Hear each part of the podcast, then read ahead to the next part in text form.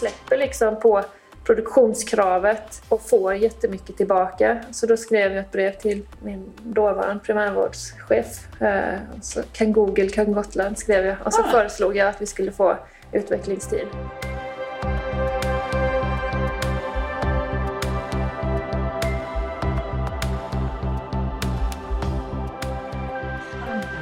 Hej och välkommen till Svampen! Vi är ST-rådet i Svensk förening för allmänmedicin, SVAM.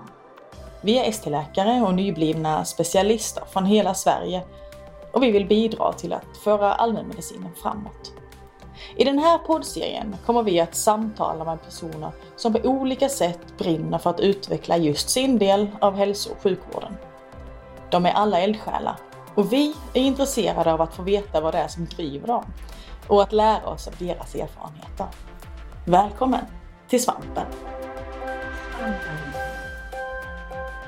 Hej och välkomna till Svampen!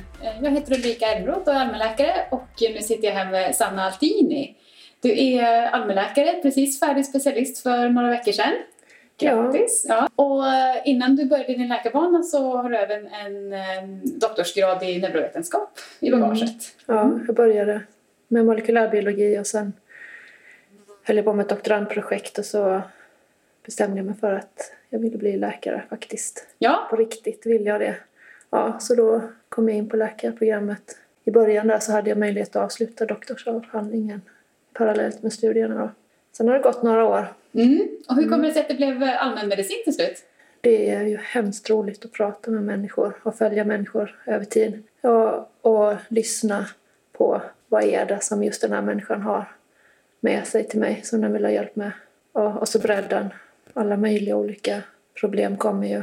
Hur gör, alltså följa 37-åriga tokknarkande människan i några år och se att hon faktiskt eh, orkar ta små steg eh, för att kliva ur sitt beroende.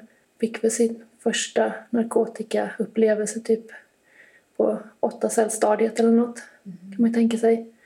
Ja, och sen gamla tanter och farbröder som kommer och är lite knarriga och unga människor som är oroliga för saker och jätteallvarligt sjuka ibland och, mm. och lyxigt att få jobba med detta. Mm. Doktor på riktigt liksom. Verkligen. Ja, det är kul. Ja. Så jag är väldigt nöjd med att, att jag har tagit mm. steget liksom från forskningsvärlden som jag inte riktigt kände mig hemma i och, och nu få jobba med allmänmedicin och sen vill jag ju knyta tillbaka till det här vetenskapliga arbetet också fast från andra perspektiv. Ja. Så det, det tycker jag är kul. Ja. ja. Kul. Eh, vi brukar alltid börja med att fråga vad eh, man brinner för i den här podden. Susanna, ja. vad brinner du för? Jo, men jag brinner för att det måste få vara roligt att jobba. Eh, det är svinviktigt faktiskt. Och det kommer ifrån att jag dels som AT-läkare eh, jätteosäker, hade forskat och blev inslängd på ett universitetssjukhus helt grön och tillbaka från föräldraledighet och kände att jag hade glömt allt jag någonsin hade lärt mig.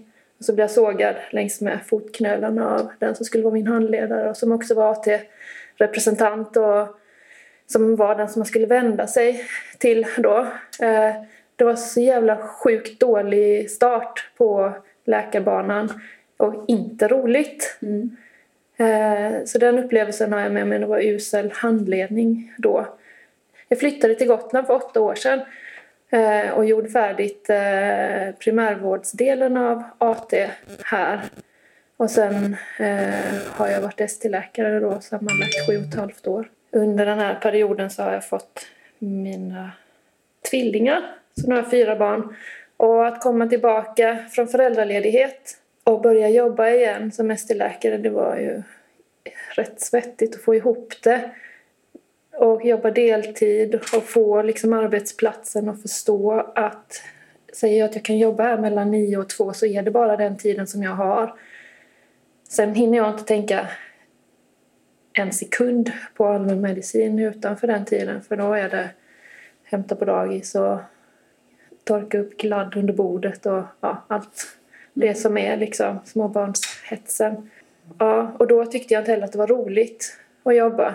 Tyvärr var det så. Och eh, när jag kom tillbaka i lite större utsträckning hade jobbat bara någon dag i veckan till att börja med och då var det roligt men sen när jag kom tillbaka och skulle liksom gå in i och, och ha mottagningsarbete mer kontinuerligt då tog det några veckor och sen kände jag att jag håller inte ihop. Jag kan inte fatta beslut om någonting och eh, allting blev krångligt. Jag kunde inte lära mig något nytt. Jag tyckte att det här är inte roligt. Det, måste var... få vara roligt ja. att jobba. Mm. Mm. Vad är det som gör att det blir roligt?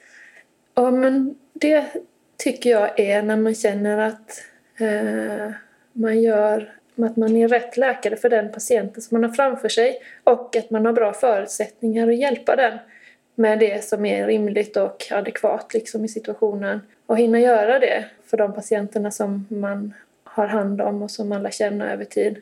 Det är roligt. Och sen också att få utrymme i sin tjänst att zooma ut och se lite större perspektiv. Hur, hur kan vi hantera de här patientgrupperna bättre på, på min vårdcentral och i liksom primärvården generellt här på Gotland och också i hela liksom, hälso och sjukvården. För patienterna rör sig ju liksom mellan olika vårdnivåer. Mm. Eh, ja, så jag, jag vill gärna vara allmänläkare men jag vill ha ett begränsat uppdrag. Eh, så därför är det intressant nu med diskussionen om listningstak och så. Mm. Jag tror att det är nödvändigt att begränsa för att man ska orka och kunna stå för att det är roligt också. Hur skulle det påverka patienterna? Jag tror det skulle ge mycket eh, större trygghet för patienterna om man, om man har en doktor som, eh, som är trygg i sin roll och som mår bra i sitt, liksom, i sitt liv med balans på sömn och kost och motion och arbete och fritid och hela baletten. Det tror jag är jättestor skillnad att, att träffa en doktor som mår bra än att eh, träffa en som känner sig som ett vrak. Mm. Eller som är desillusionerad i sin yrkesroll eller som eh, bara har accepterat att okej, okay, nu har jag ett hyrläkaruppdrag, då är det snabba puckar och inte något större engagemang som gäller för att hantera uppdraget så som det ser ut. Mm. Det tror jag inte patienter tycker är så roligt. Mm. Känna av det. Men så jag tror att alla människor i Sverige vill, vill kunna ha en, en trygg och stark eh, allmänläkare att vända sig till som man känner. Mm. Mm. Ja, inte minst när, när det dyker upp något oväntat hälsoproblem så, så ja. Eh, är det bra att man har någon som man känner till redan. Ja. Men du hade, det ju, du hade de här tråkiga erfarenheterna mm. då med dålig handledning och det var trist på jobbet och, och mm. inte. Men du valde ändå allmänmedicin mm. och sen så valde du ändå att fortsätta med det också. Och eh, vad, var det som, vad var det som hände? Nej, men jag blev ju lite arg då när jag kom tillbaka och fick höra att, eh, att en distriktsläkare träffar 16 patienter om dagen och du, när du jobbar så här mycket så betyder det och sen får man dra av lite för att du är ST-läkare och så. Men, så att det här borde du klara av på en dag.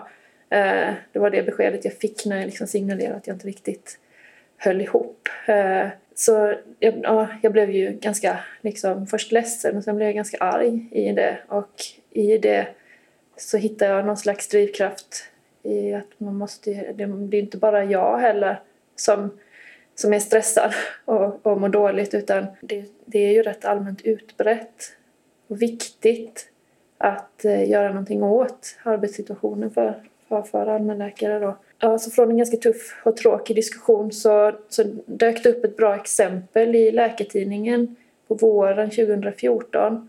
Så läste jag om Sandviken där de gjort en satsning på utbildningsvårdcentral. Och där förutsättningarna där var extremt lika här i Visby.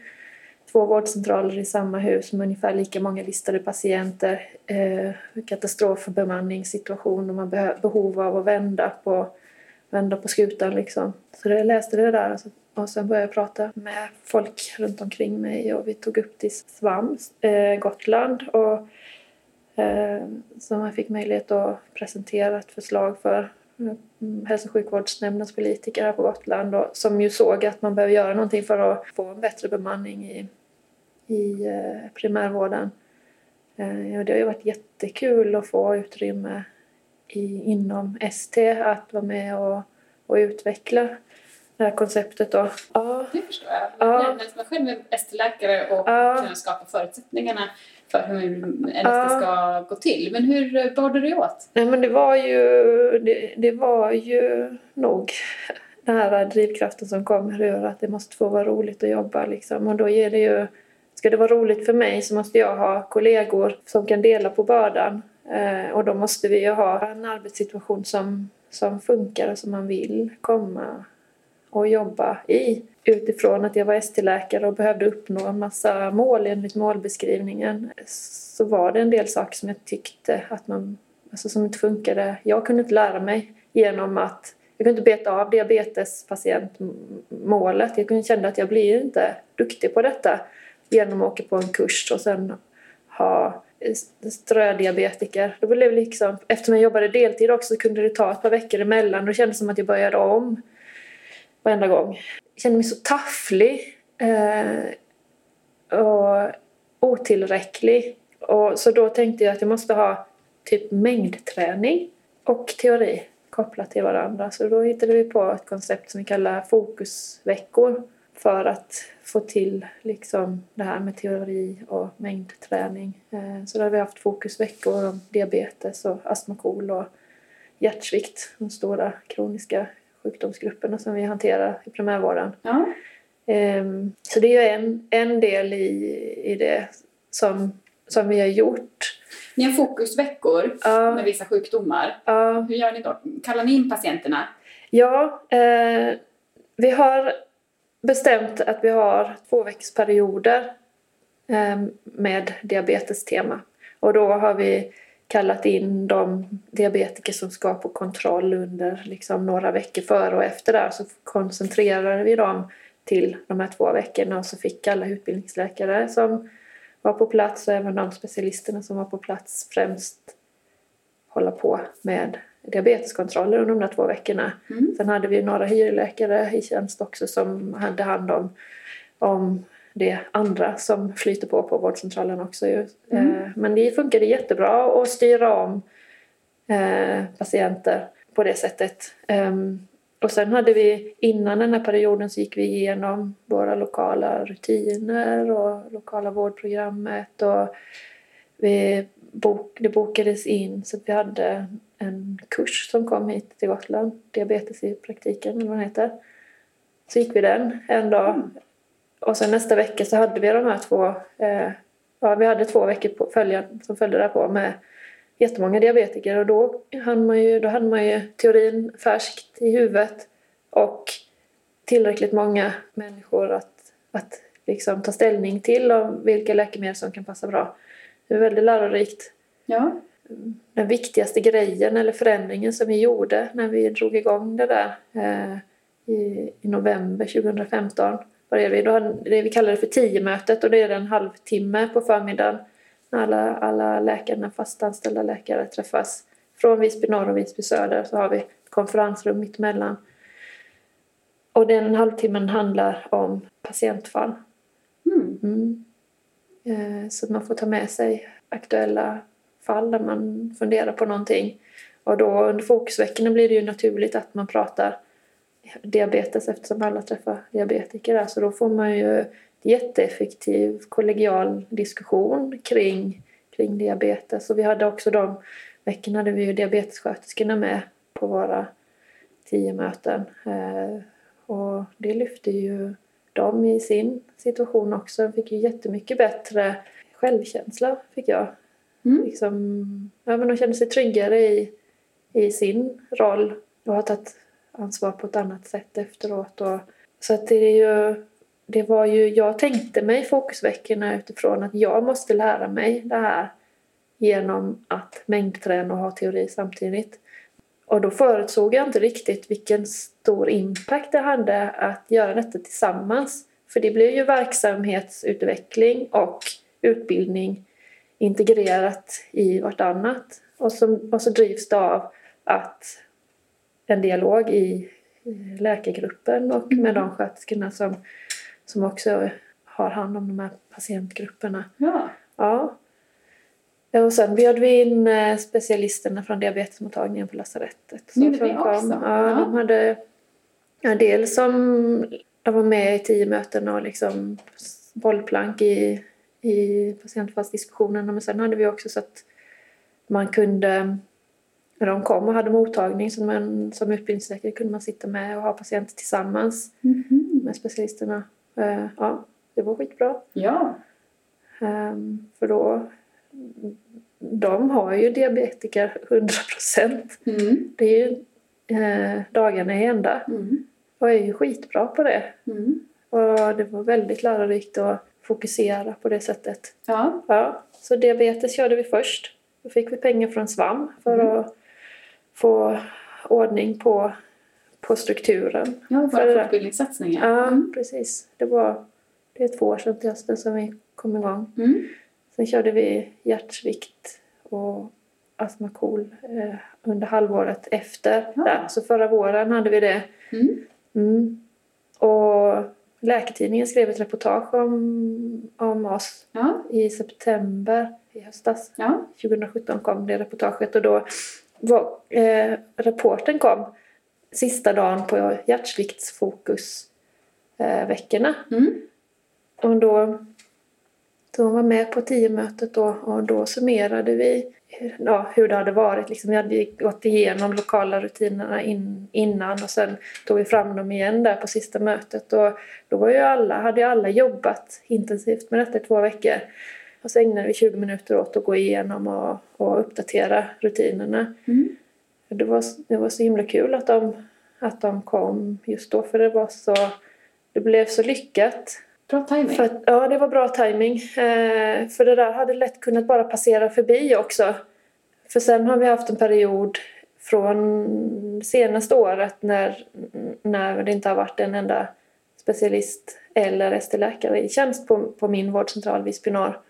Det har bara varit hyrläkare och det har, har haft att göra med eh, att vi som då var ST-läkare hade ju randningsperioder och behövde bli klara med dem. Så det blev det ju så. Så att det är så skönt att ha det där som var så bra för ett år sedan eh, m- med sig och det får inte glömma bort det. För nu så är det lätt att liksom känna sig lite så här vacklande i det- man skulle lätt kunna tänka att det, att det har suddats ut. För om man har kommit in på min vårdcentral under det gångna året så har det inte varit det här. Men eh, strukturen finns ju kvar och, och nu är vi ganska många på Gotland som blir färdiga specialister och får vi se om, om eh, eh, bemanningstrenden vänds Ja. och med det. Så att, eh, ja. För vitsen med det här med utbildningsvårdcentral är att Mm. Ja. eh, man ska kunna ha fler ST-läkare. ja, precis. Kan du berätta lite grann om Jo. själva huvud... Ja, för då... Ehm, ja, men klassiskt sett har man väl haft... En, en specialist har handlett en ST-läkare och så har man följts åt i fem sex år. Jag har haft åtta handledare. Ja, åtta år, sju och ett halvt år. Ja. Och då blir det ju på ett annat sätt. Men, så då måste man ju tänka annorlunda. Eh, om, om man är för få specialister och behöver bli många fler. Då behöver man ha många ST-läkare och då måste ju specialisterna ägna jättemycket av sin kraft åt att handleda. Eh, så att, eh, så att de som vill bli allmänläkare får bra handledning och tycker att det är roligt Ja. och utvecklande. Ehm, mm, så om man skulle spola tillbaka bandet så, så hade jag drivit på hårdare för handledarnas situation Mm. under uppstarten av... För poängen är då att man har specialister som Mm. jobbar ganska stor del av sin arbetstid med Ja, handledning. Och då ja, kan de vara handledare åt flera ST-läkare. ja men precis. Mm. Ehm, och då, I teorin hade vi väl tänkt oss att det skulle vara en handledare och så tre ST-läkare och att man hade kommit olika långt i sin ST. Mm. Men det är ju teori som inte händer för att någon blir föräldraledig och någon ska på randning. Alltså det blir ju på ett helt annat sätt Mm. i verkligheten. Eh, Men en handledare och så kanske tre ST-läkare då. Så Mm. periodvis så, ja, när det funkade bra så var det så. Mm. Och då har man ju handledning individuellt och så har vi tio mötena där man får liksom vända sig till flera, alltså en, hop med kollegor som kan olika saker. Mm. Eh, Så man kan lära sig av andras fall och så. Ja, ja, precis. Så det kompletterar ju handledningen i, i att komma vidare med medicinska eh, frågeställningar och så. Mm. Ehm, Då blir det mera team kring en handledare och så, så att man hade en delad lista som också skulle vara anpassad som, så att man skulle hinna med det då. Mm. Eh, Där hade vi behövt dra ner mera. Men då blev ni alltså ganska många ST-läkare på din vårdcentral. Ja, det var vi. Och jag kan inte räkna ut hur många det blir så flummigt fram och tillbaka. Eh, ja, Men nu, nu har det gått några år ja, och du har blivit klar. jag har blivit klar. Mm. Mm. Eh, och en kollega som också fick sina papper nu i juni här. Mm. Så det är vi två som går in som nya specialister till hösten. Mhm. Och så har en, en kollega varit tjänstledig ett år och kommit tillbaka efter sommaren här, förhoppningsvis. Mm. Men det som har blivit har varit, eftersom ehm, det har varit, som jag sa, det här med att vi inte har haft några fasta läkare i tjänst på min vårdcentral Mm. under- under det gångna året har ju kompenserats av att man är på Hemse vårdcentral nere på södra Gotland. Har, där har det liksom poppat upp som eh, vårdcent- utbildningsvårdcentral eh, istället då. Mm. Och det var ju lite medveten strategi för att ja, det blev så att min vårdcentral Visby Norr blev utsedd till utbildningsvårdcentral men man behöver ju ha samma koncept på alla regionens vårdcentraler Mm. eh, för att liksom, och lyfta hela, hela alltet Ja, parallellt liksom. Precis, och Hemse det ligger en bit bort. Ja, det är fem mil söder om Visby. Ja. Ja, Så även om de inte ligger mitt i stan eh, så har de ändå lyckats hitta ganska många ST-läkare Ja. som Ja. vill göra, jobba där för att det är en bra ja det är utbildningsmiljö. jättebra där nu. Mm. Ja, och vår studierektor eh, Ann Hovland är, är specialist där ute och har handlat jättebra så de trivs jättebra Ja. Mm. Just det. Ja, Ann det har ju också varit med i Svampen. Vi har ju ett Ja. avsnitt med henne om hjärtsvikt. Ja, och optilog va? Precis. Mm. Mm. Ja, okej. Eh, men sen då när man blir eh, färdig specialist, Mm. eh, vad är det som behöver finnas då? Är man bara så här, plötsligt från en dag till nästa så är man allvetande och självständig?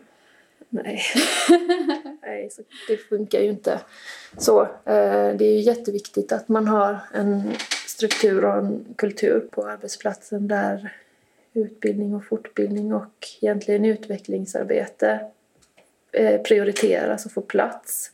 Och att man har ett begränsat uppdrag så att man känner att man har kontroll på det man ska göra. Det är jätteviktigt. Mm. Och eh, det där med utvecklingstid, Mm.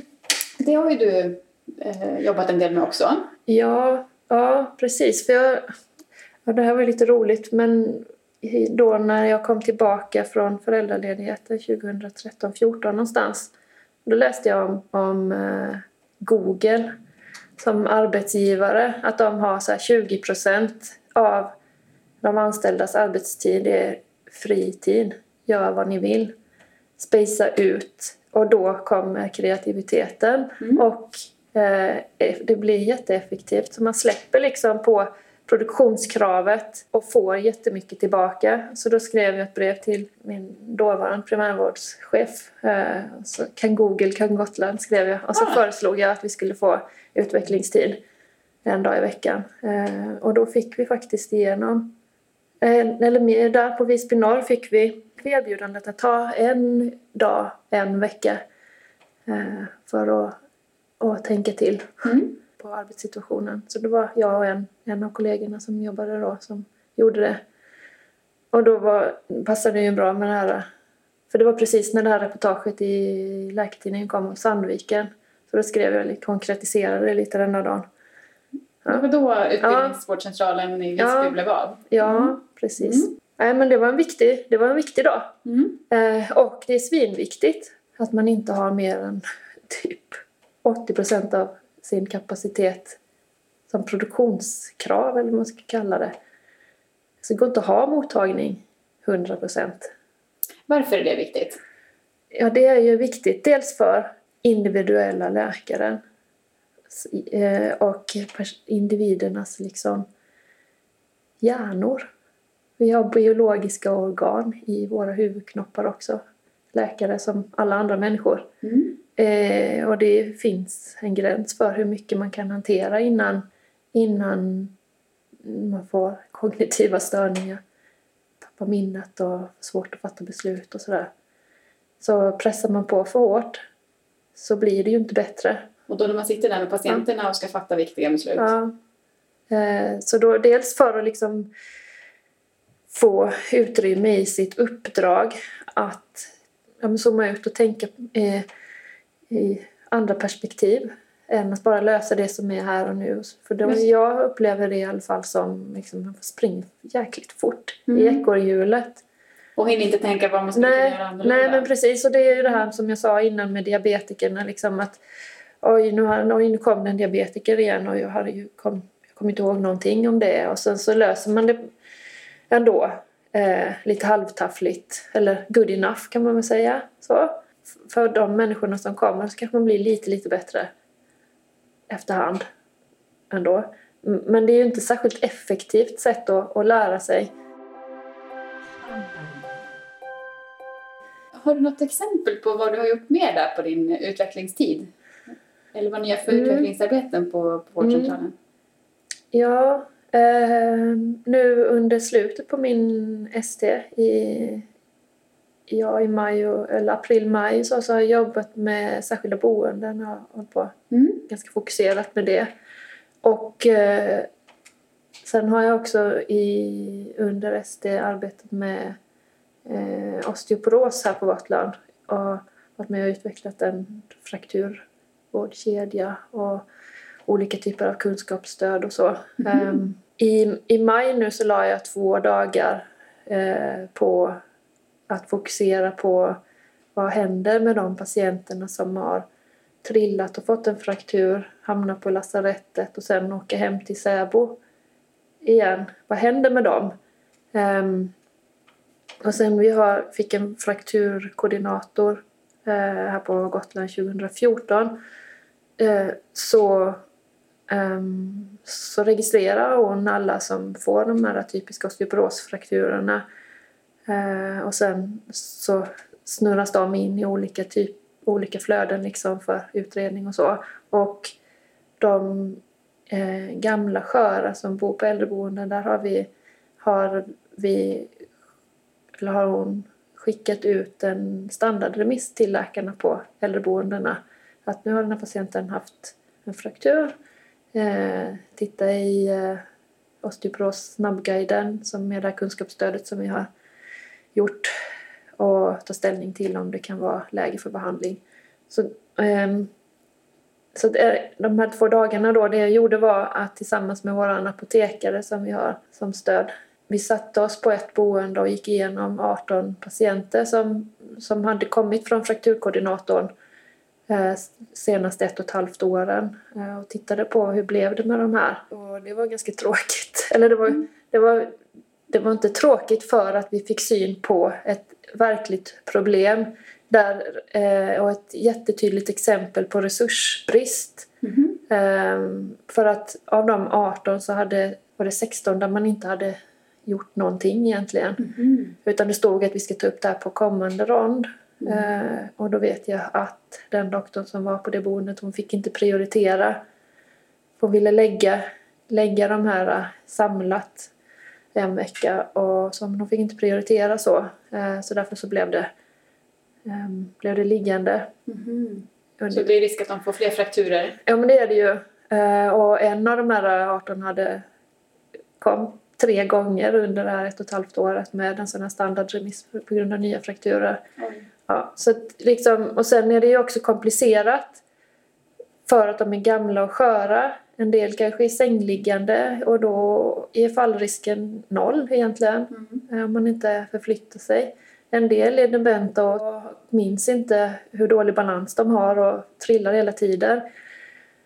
Och där är det ju jätteviktigt att man går in med läkemedel, hitta rätt individer och så. så att, och andra förebyggande insatser också. Ja, ja precis, absolut. Och fallprevention och kolla munhälsan och allt möjligt är ju viktigt där. Mm. Och det vi föreslog sen då utifrån att vi hade tittat på detta var att eh, vi har gjort som ett beslutsunderlag som vi tänker ska komma in i, i eh, journalsystemet så man kan börja fylla på med eh, information redan på ortopedavdelningen när mm. de har brutit sig så att man liksom ska kunna få samla ihop det mera effektivt och faktiskt identifiera dem där det är möjligt att ge läkemedel. Mm. För de är ju jätteeffektiva. Mm. Så att informationen följer med ja. patienten oavsett om, ja. Eh, om den är på sjukhuset ja. eller på primärvården? Ja. Eller på något På rehab eller, ja mm. precis. Mm. Och sen har ni gjort, eh, du nämnde någon osteoporosskola förut. Ja. Och det ja, är precis. inte för dem på SÄBO då utan Nej. lite piggare Ja precis för det är ju osteoporos är en bred sjukdom som, mm. som finns liksom invävt lite överallt och det är från ganska unga och i övrigt friska människor till mm. de här gamla skröpliga liksom. Så då har vi förra hösten um, satte vi igång med osteoporosskolor här på Gotland och då hade vi två olika upplägg. Och det ena var riktat till eh, tio kvinnor med en eller flera kotkompressioner som var rätt svår, hade rätt svår påverkan på sin livssituation på grund av att de hade så ont i ryggen. De fick träffa sjukgymnast först för bedömning och sen fick de gå sex gånger på, på gruppträning kombinerat med föreläsningar då, så de fick liksom kunskap om mm. olika aspekter på sjukdomen. Dietist och fysioterapeut och så läkare och täckte lite olika aspekter på det där. Mm. Och sen så fick de eh, till, gå tillbaka till sjukgymnasten efteråt och testa balans och eh, lite eh, livskvalitetsfrågor och sånt som man, vi hade tittat på innan. Mm. Eh, och det fina där var att gruppen skattade mycket högre på upplevd social och eh, annan livskvalitet. Mm. Det spelar en jättestor roll för de här människorna att de fick vara med i den här gruppen. Mm. Och en kvinna skrev att jag har haft smärta i min rygg i två år varje dag. Sen två veckor är jag smärtfri. Så hon hade ju verkligen eh, nytta av att få vara med i den där gruppen. Mm. Och det var ju då en, en grupp med människor svårt drabbade av kotkompressioner och där har vi ju liksom klassiskt sett varit ganska dåliga på att hjälpa dem. Mm. Men sen är ju som osteoporos eh, så brett så att man behöver, vi, vi tänkte att vi behöver ha ett annat upplägg också och så finns det ett uppdämt behov av att få lära sig mera så då ordnade vi en eh, föreläsning på internationella osteoporosdagen mm. höstas eh, i Almedalsbiblioteket. En öppen föreläsning som vi annonserade ut i lokal media och så. Mm. kom det ett 80-tal personer och lyssnade på eh, vad vi som är i eh, håller på med den här frakturkedjan här på Gotland då det är olika representanter. Och eh, patientföreningen också. Mm. Jätteviktig. Ja, det var bred samverkan ja, ja, det är det. Mm. Eh, och innehållet i den föreläsningen var ungefär samma som vi hade i den här gruppen för kotkompressionspatienterna. Mm. Så, och så då hade vi den, öppen föreläsning och sen kom, eh, följde vi upp det med lärkaféer det gjorde vi i samverkan med socialförvaltningen som här på Gotland har balansträningsgrupper på Kommunen alltså? Ja, kommunen. Ja. ja. De rullade redan och så tänkte vi att men, våra patienter ska ju vara med där. Mm. Ja, för det finns redan en struktur ja. för det. Vi behöver inte uppfinna det igen. Exakt. Utan det vi gjorde var att vi, vi åkte ut och hade de här lärkaféerna i sam, alltså timmen före eller efter balansträningsgruppen på tre platser på Gotland. Mm. Hemsö och Slite och i Visby där kommunen har träffpunkter för seniorer. Ja, Så var det jag, sjukgymnast och patientföreningens ordförande som, som ledde, eh, ledde det. Mm. Ja. Och det var ju jättebra att ha eh, henne med. För då kunde jag fråga henne, Eva kan inte du berätta hur, hur har det varit för dig? Vad får du ta för läkemedel? Och så. Yes. så kunde vi få igång ett samtal. Och, ehm, det var ett jättetrevligt sätt att jobba på. Och det var upp, väldigt uppskattad av, av patienterna. Eh, och av mig. Jag tyckte det var jätteroligt. Ja. Det var riktigt roligt liksom att få göra det. Eh, och väldigt lärorikt också. För, för då kommer man på något vis närmare hur det här påverkar i det vanliga livet. Mm. Vi satt där runt ett bord och drack lite kaffe och pratade om Ja, och då får patienterna Ja, i en annan typ av miljö också när Ja. man sitter där på vårdcentralen. Ja. Man är kanske lite mer närmare hemmaplan och ja. kan Och, ställa mer vardagsnära frågor. absolut. Och sen kun, och kunde liksom höra hur det är för andra och att andra har liknande frågor. Och, ja, Mm. så det var väldigt, väldigt uppskattat. Eh, I Visby kom över 30 personer till den här eh, grejen. Mm. Så Ja, det så ska det- rulla på. Så till hösten ska vi köra igen. I vår har det varit paus av lite olika anledningar. Men ja, det ska bli kul. Ja, verkligen. Mm. Så den här utvecklingstiden har... eh, Mm. Ja, den är jätteviktig. Mm. Eh, det blir så mycket roligare om man har det Ja. i sitt uppdrag. Och jag tänker att det är nyckeln till att få primärvården att fungera i framtiden. Ja, Man måste precis. formulera om distriktsläkaruppdraget. För då istället för att bara sitta Mm. här med liksom din egen signeringslista och dina Mm. egna patienter Mm. eh, så har det här blivit väldigt bred samverkan med andra professioner, med patientföreningar, med andra Mm.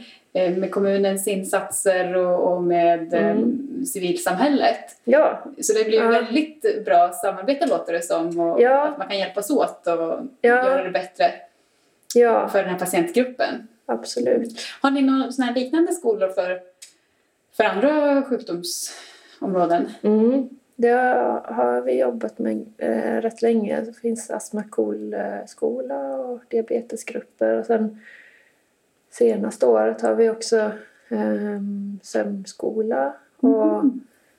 eh, ångestgrupp. Mm. Eh, så. Också tvärprofessionellt? Ja, Mm. då är det terapeuterna som håller i sömnskolan och det och sen är det eh, specialistsköterskorna som håller i de här andra grupperna.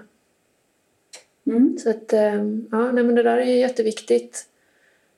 För det är ju först när man förstår eh, som patient vad sjukdomen innebär och kan, kan liksom jämka in det i, i sin livssituation som, som man kan få bra kontroll på sin sjukdom. Mm.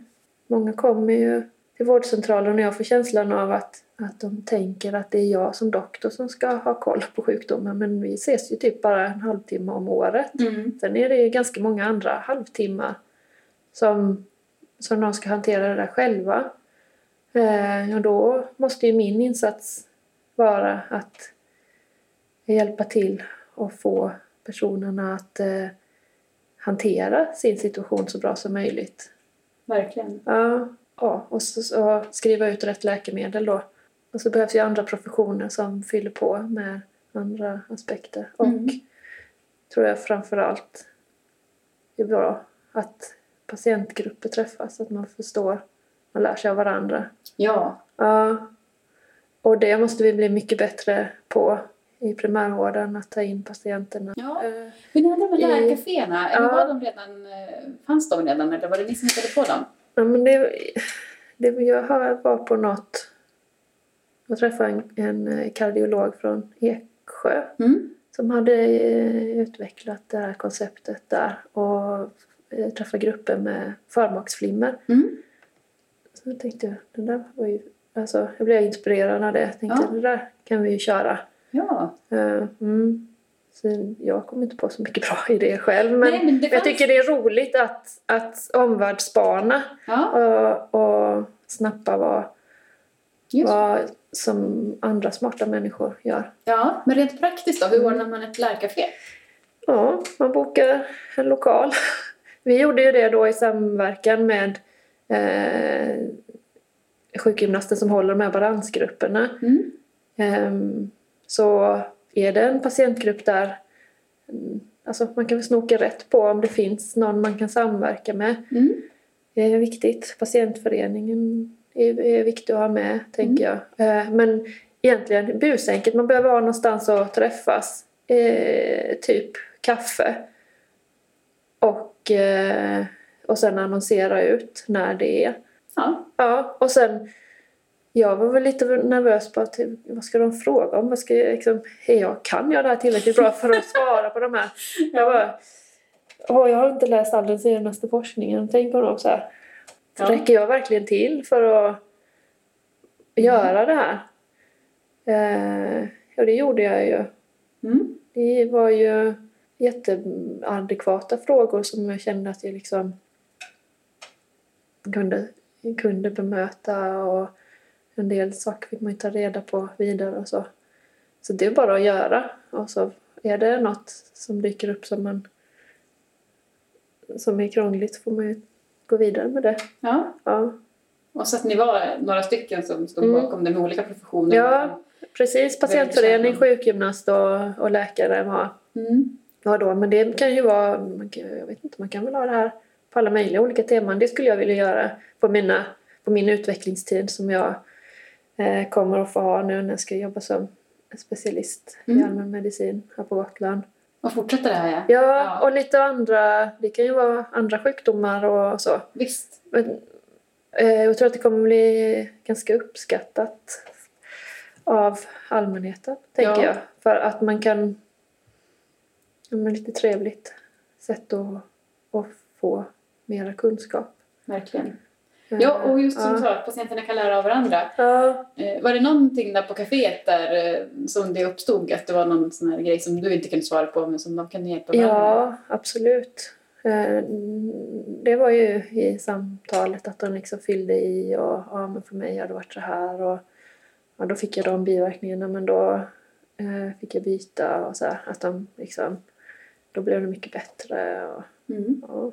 Nej men det var ju jätte, ja, och att man kompletterar varandra med jag tror att det är bra att vara några stycken som från, alltså att det är tvärprofessionellt att man kanske är ett par tre stycken som som håller i det utifrån lite olika perspektiv då. Mm. Ja, det är jättekul. Ja, jag, Ja. jag blev jättepeppad. Jag vill också starta lärcafé. Ja, ja, ja. Skolor och allt möjligt. ja. Men du Sanna, eh, har du några lärdomar som du skulle vilja liksom dela med dig av? Både, om vi börjar med framgångsfaktorerna. Vad, vad har varit viktigaste? eh, Alltså, ja, det allra viktigaste har varit eh, det här teammötet, att läkargruppen träffas varje dag och, och har en dialog kring vad allmänmedicin är. Det är så himla banal grej liksom. Med patientfallen och det Ja, patientfallen. Det är ju att ha, att ha ett kontinuerligt samtal. För lä- läkarmöten det har, har vi ju alltid haft. Men då har det kanske varit att man har haft en gång i månaden eller kanske varannan vecka. Eller, alltså, Mm. och så min upplevelse av när det har varit så har varit att man puff, slängs in i ett möte och sen är lite oförberedd och sen drar någon något och sen så går det två veckor och sen puff och så in där och sen var det ingen som kom ihåg att det var något som vi skulle följa upp. Alltså så. Mm. Men när man, när man har dialogen liksom varje dag så blir det på ett annat sätt Mm. och man får en helt annan respekt för varandras kunskaper också. Får nytta av varandras kunskaper. Eh, så det är ju, alla borde ha. Alla Ja. borde ha det. Ja, Eller, en halvtimme om dagen. ja, Mm. det är ingen stor satsning. Vi har förmiddagsfiken och en extra kvart. Ja, smart. Så det är ju inte, det är en timme och en kvart i veckan. Ja. Ja, det är inte så mycket tid men det gör jättestor skillnad. Eh, så det har varit viktigt och sen det här med fokusveckorna har också eh, gjort en jättestor skillnad. Tycker jag. Och, eh, och då har det varit just att det har ju drivits av den här kollegiala dialogen egentligen. Har, och sen har det blivit både fortbildning och verksamhetsutveckling i ett. Liksom. Mm. Det är integrerat i vartannat och jag tror att det är så man måste se det. Eh, man kan inte se fortbildning som att åka på kurs. Det är så mycket eller, mer? Ja, det är så mycket mer. Eh, och om man kan få in det i, i sin liksom, jobbvardag mm. så, så får man ju utvecklingseffekter mm. av det. För att alla lär sig tillsammans. Och sen, nu har, jag, har vi ju, det här läkarmötet är viktigt men sen så är, behöver ju alla, alla professionerna behöver ju eh, inkluderas i utvecklingsarbete och så. Och det är ju självklart att det måste vara så.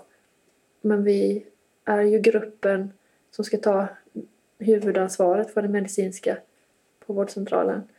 Så då tänker jag att, att det, ju, det borde också vara med i distriktsläkaruppdraget 2.0. Mm. Att ryggraden i det är att leda utvecklingsarbete. Mm. Mm. Varje vecka har mm. man tid för att med professionell frihet få göra det. Eh, det kommer ju att bli jätteroligt och många kommer att vilja bli eller jobba i primärvården tänker jag. Ja. Om man, om man ser vilka möjligheter som öppnar sig om vi gör så. Ja. Ja. Okay. Ja. Jag tänker att det, det är viktigt. Ja. Mm. Om du fick eh, göra någonting annorlunda här då ja. med lite mm, erfarenheter i backspegeln. Ja. Um, vi fick inte riktigt gehör för hur, eller, eh, för hur mycket hur tungt det blev för handledarna när vi startade upp utbildningsvårdcentralen att handleda flera stycken. Mm. Eh, och eh, är ganska mastigt. Och sen så har man, har man gjort en ST eller FK eller vad det hette förr i tiden mm. liksom för länge sedan och kanske gått någon handledarkurs. Så, och så tänker man att ja, det är klart att jag kan vara handledare. Och, men målbeskrivningar och sånt har ju ändrat sig och det är ju väldigt mycket mer komplicerat uppdrag nu mm. än vad det varit tidigare. Mm. Uh, och det krävs ju, krävs ju liksom tid och förutsättningar för att man ska kunna vara handleda klokt. Man har ju ett stort uppdrag nu att ge konstruktiv feedback. Mm. Och det ska vara formaliserat med liksom strukturerade metoder och det ska dokumenteras. Och så här. Det var de som var handledare när vi gick in i det här. De hade inte hade inte handlat på det sättet liksom. Så det blev ju... Det var underdimensionerat. Eh, så handledarna fick inte så bra förutsättningar för. Sen var det ju bra för dem med fokusveckorna och sånt. De tyckte ju, vi hade ju väldigt, väldigt roligt mm. under det året som vi körde. Mm. Um, men så blev det för trångt i lokalerna också. Jaha. Ja, och det är också en stressfaktor och ett tag fick jag sitta i fikarummet och administrera. Mm. Uh, ja. Så Ja, det är ju sådana reservokation ja, när man blir, blir fler. När man blir många, ja. ja. Och för att det har varit brist på läkare så har man ju försökt att taskskifta och tänka att andra yrkesgrupper kan göra och då har det kommit till personer mm. med kuratorskompetens och fler terapeuter och så. Alla behöver ju ha ett rum att sitta i. Just det. Ja. Eh, och det där är ju... Där måste man också tänka över väldigt noga. Att, eh, att det finns lokaler som, som räcker till. Ja, det är sådana grundläggande behov. Ja. ja. Svårt problem. ja, det är inte så himla lätt Nej. att bara bygga ut sin vårdcentral alla gånger. Nej, det är ju inte det. Ha, vad blir, vad blir eh, ditt, eh, ditt nästa bidrag till utvecklingen av primärvården på Gotland? Ja, det är ju att gå in som specialist i allmänmedicin nu då. Mm. Och um, försöka återupprätta det här med eh, fokusveckor och så för eftersom vi har haft typ paus då på grund mm. av att bemanningen har varit eh, ja, en riktig svacka liksom. Men, eh, nej, men det är ju att se till så att det blir eh, roligt att jobba och att man har bra förutsättningar för utvecklingsarbete. Du Sanna, om man eh, vill kontakta dig och höra mer om det här som du har berättat, eller läsa mer om någonting som du... Du nämnde den här artikeln i Läkartidningen. Mm. Är det några fler sammanhang där man kan få veta mer? Mm. Ja, det finns ju dels den eh, i Läkartidningen som publicerades september 2017. Eh, och sen finns det ett reportage i Moderna Läkare, eh, kanske våren 2016. Och så har Dagens Medicin skrivit en liten grej också. Det var hösten 2016. Mm. Så där kan man, det kanske man kan hitta. Man kan googla sig fram Ja, kanske? ja, man får googla sig fram. Se om vi kan länka till Ja. de artiklarna också. Ja, Om man vill kontakta dig, får man Ja. göra det? Ja, man kan få mejla. Eh, min, min jobbmejl är mitt namn, Susanna Altini, och sen är det snabel-a-gotland.se. Bra. Mm. Ja, det är säkert många som har blivit inspirerade och eh, vill eh, göra något liknande som det ni har gjort här i Visby. Mm. Sanna Altini, tusen tack för att du har varit med i den här poddintervjun. Tack Ulrika, roligt.